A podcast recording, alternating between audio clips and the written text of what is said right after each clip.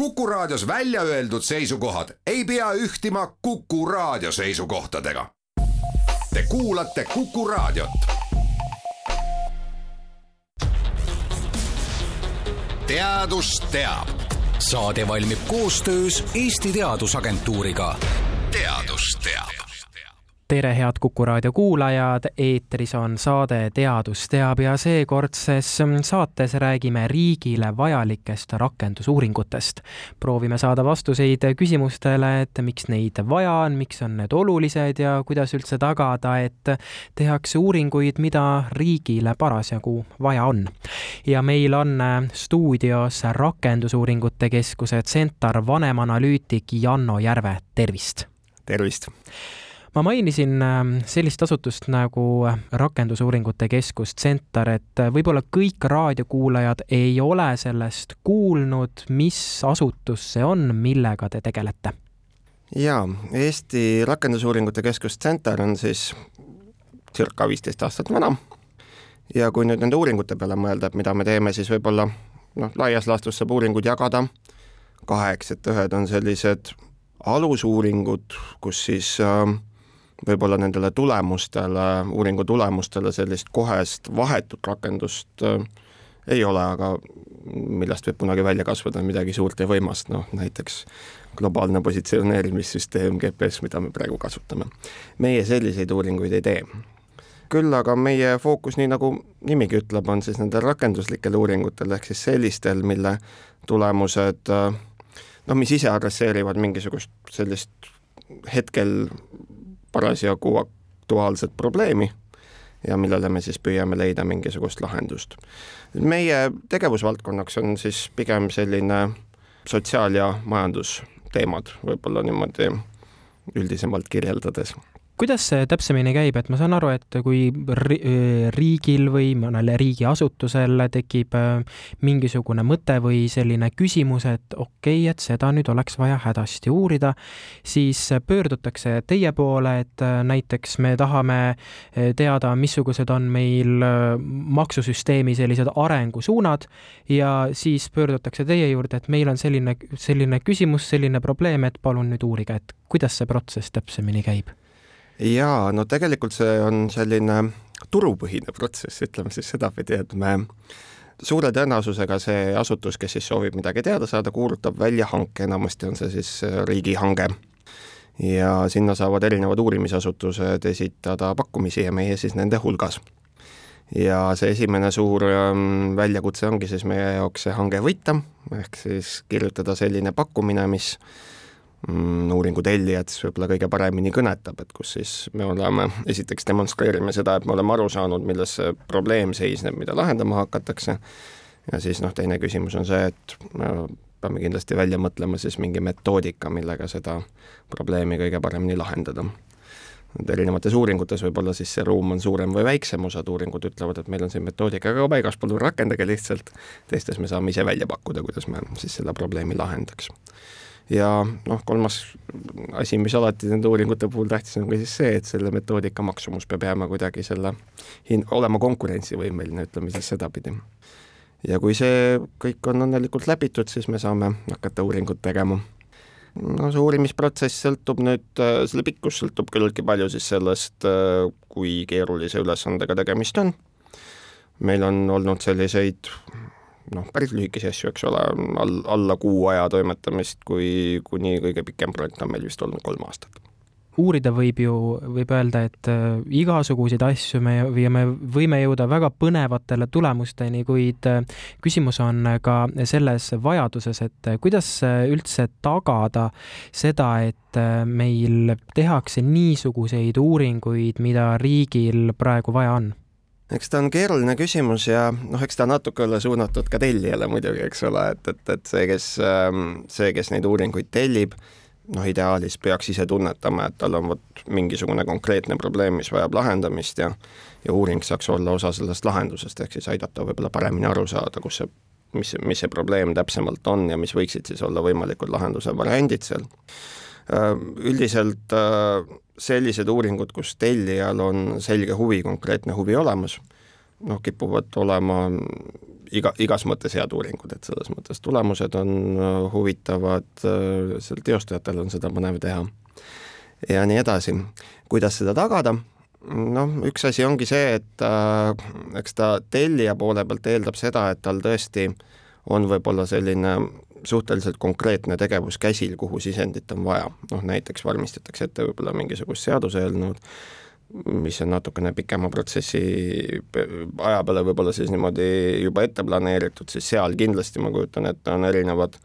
niisugused otsustuskohad näiteks, mida, kus,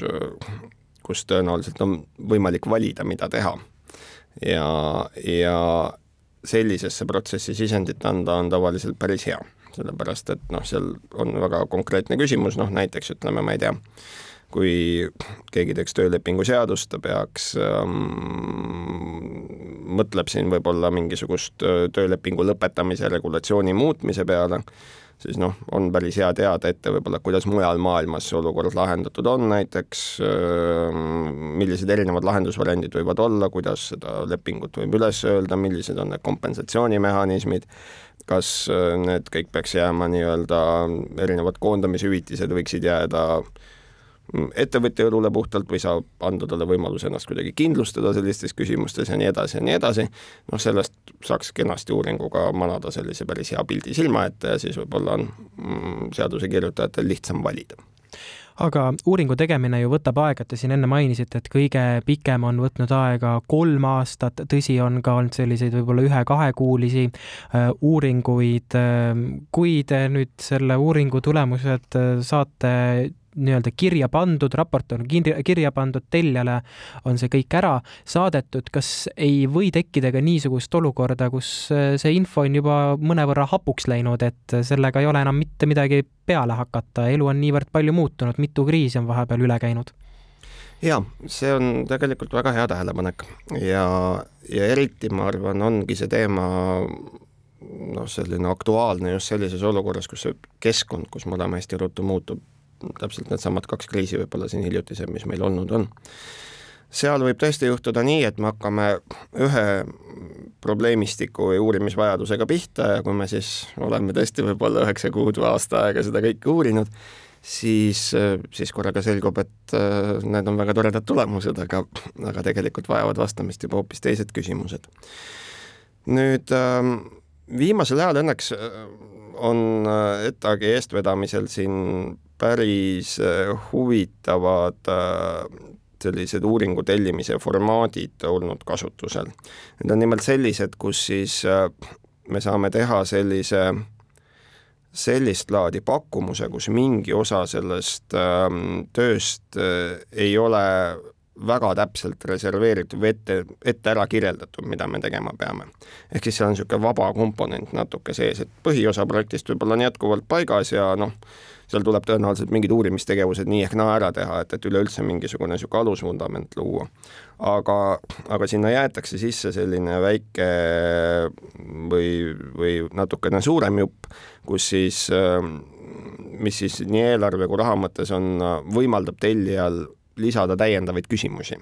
et mine tea, mis juhtub, et siis Just. saab äh, vastavalt reageerida. täpselt, et saab kuskil projekti poole peal või ka kolmveerandi peal öelda, et aga nüüd on muutunud aktuaalseks veel need, need ja need teemad, et äkki saaks neid siia sisse panna näiteks. ja see minu arust on selles mõttes just niisugustes olukordades, kus, kus parasjagu on selline kiirelt arenev kriis käimas, et seal mulle tundub, et see on päris kaval moodus, kuidas, kuidas seda probleemi lahendada, et et tulemused ikkagi kõnetaks ka kedagi projekti lõpus no meil siin viimastel aastatel on olnud ju äh, koroonakriis, äh, siis on julgeolekukriis. kuidas need kaks kriisi on teie tööd äh, mõjutanud, ka seda, neid teemasid, mida siis tellijad soovivad, et te uuriksite? jaa, koroonakriisi kontekstis võib-olla kuidas me nii-öelda seda probleemi oleme lahendanud, et, et need tulemused kasutatavad oleks, siis me tõesti tegime koroona kriisi alguses äh, ühe projekti pakkumuse koos äh, Tartu Ülikooli ja, ja Praxisega, kus me meie osa konkreetselt Centeris oli siis see, et me töötasime välja makromudeli, mis võimaldab siis erinevaid sekkumisi hinnata, nende majanduslikku mõju täpsemalt siis määratleda, et kui kui me näiteks toetame meie turismisektorit, näiteks anname inimestele üks mõõde, mida siin rahvusvaheliselt kasutati,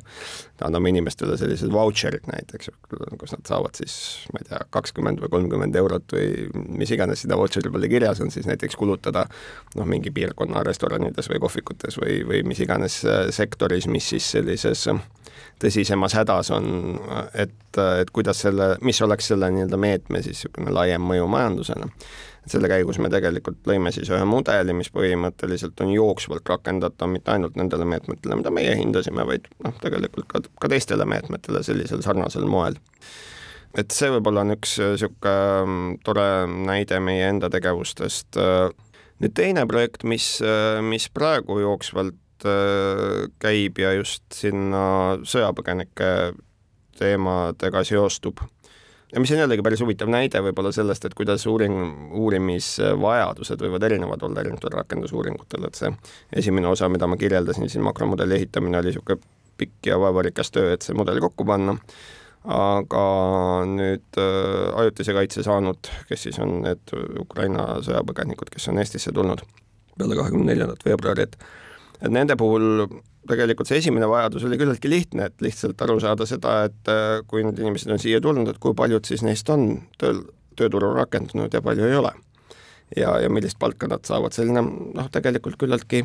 võiks öelda isegi lihtne statistika, aga noh, seda esialgu keegi ei kogunud, et siis näiteks meie projekti raames me püüdsime sellest teha sellise jooksva ülevaate, mida iga kuu uuendatakse, et tekib selline arusaam ja tunnetus sellest, et kui hästi siis äh, Ukraina ajutise kaitse saanutel Eesti tööturul läheb aga kui need ähm, uuringud on tehtud, no eks nende eesmärk on ju ka see, et kui me räägime nendest uuringutest, mida riik tellib, et ikkagi meil oleks selline teadmistepõhine äh, riigi valitsemine, tunnetate te seda, et meie riigi valitsemine käib teadmistepõhiselt? see on vist niisugune nii ja naa küsimus jah, et äh, Eesti riik kindlasti kasutab uuringuid sisendina erinevate poliitikate kujundamisel, et, et see vastab kindlasti tõele.